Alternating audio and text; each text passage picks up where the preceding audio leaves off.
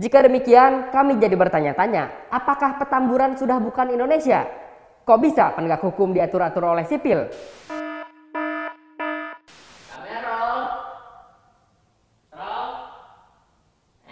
Eh, bentar, bentar, tunggu, tunggu dulu. Lemesin rahang dulu nih. Anjir, pasti ngomong cepet-cepet lagi kan. Pegel, Jo. Action.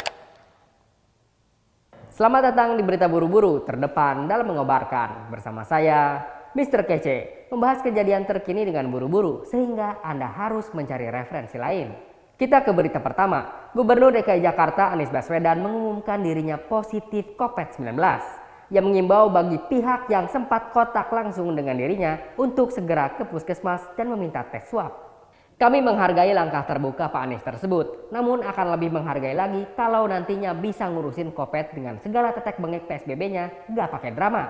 Kurangi kata ala-ala Kahlil Gibran, udahlah kerja aja, cepat sembuh Pak. Kita ke berita selanjutnya, Rizik Sihab dikabarkan negatif dari COVID-19. Alhamdulillah.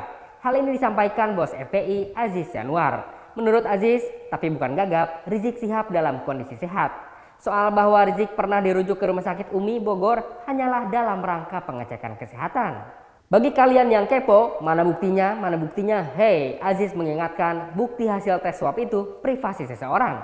Meskipun orang tersebut baru pulang dari luar negeri, habis bertemu dengan ratusan orang, tetaplah hasil swab merupakan privasi. Ah! Sementara FPI juga membantah perihal kabar Rizik Sihab kabur dari RS Umi lewat pintu belakang. Menurut Rizik, dia pulang seperti biasa. Kondisinya pun saat ini dikabarkan sudah sehat. Alhamdulillah.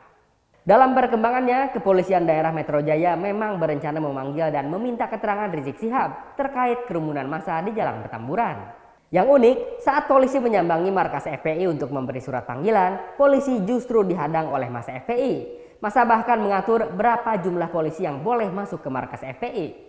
Jika demikian, kami jadi bertanya-tanya, apakah Petamburan sudah bukan Indonesia? Kok bisa penegak hukum diatur-atur oleh sipil? Karena biasanya kalau di Indonesia justru penegak hukumlah yang selalu bertindak represif terhadap masyarakat sipil. Kasus ini tentu jadi tantangan besar pertama Kapolda Metro yang baru, Fadil Imran. Gimana Dan? Wani?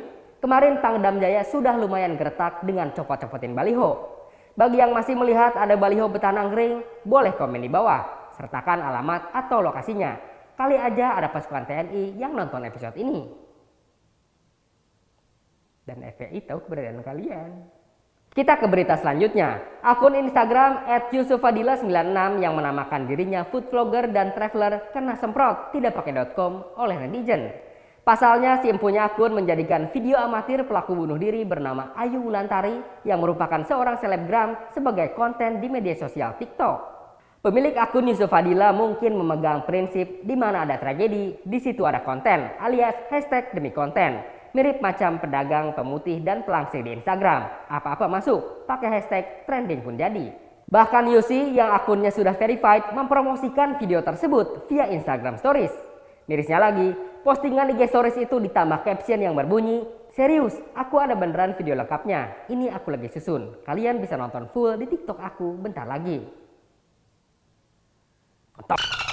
Langkah kontroversial Yusi ini berakibat pada aksi netizen yang mereport akun miliknya. Semoga diblok beneran oleh Instagram dan TikTok. Makan tuh impression, makan tuh reach, makan tuh endorsement. Mampus lo. Nampaknya jalan pintas menuju ketenaran dengan konten seperti ini masih akan tren hingga waktu yang tidak bisa ditentukan. Ya mau gimana, suka nggak suka memang ada penontonnya.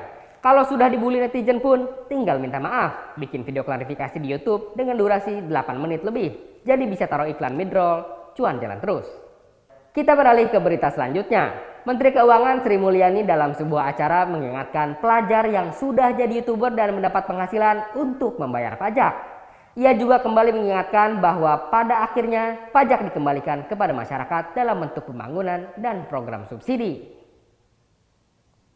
Ah, masa.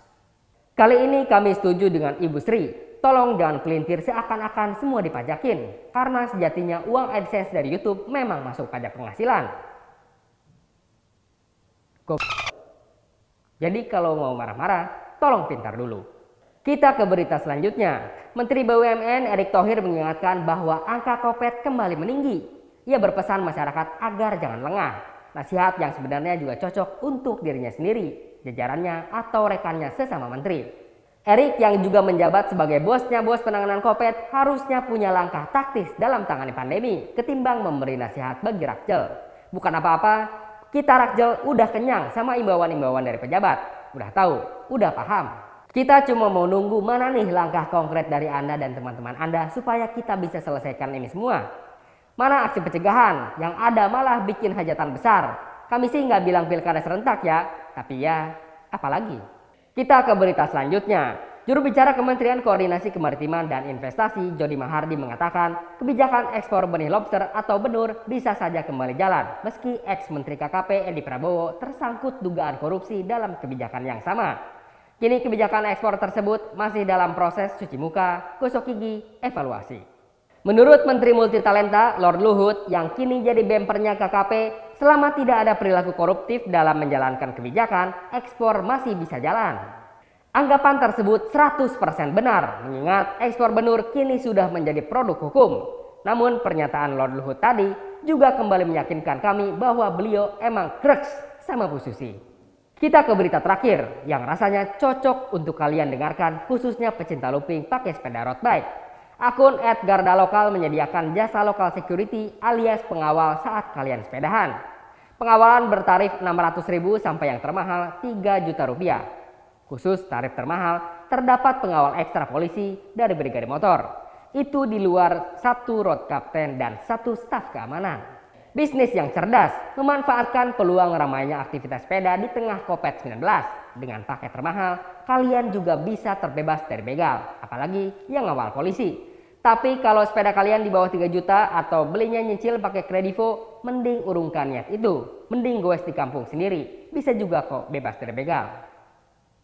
Kredivo bisa juga kali. Demikian berita buru-buru hari ini. Berita buru-buru membahas kejadian terkini dengan buru-buru. Karena berita yang dibuat buru-buru adalah berita yang laku. Sampai jumpa di edisi selanjutnya. Masih bersama saya, Mr. Kece. Terdepan dalam mengobarkan. Kemarin gue batuk-batuk dikira kopet ya? Iya. Uh.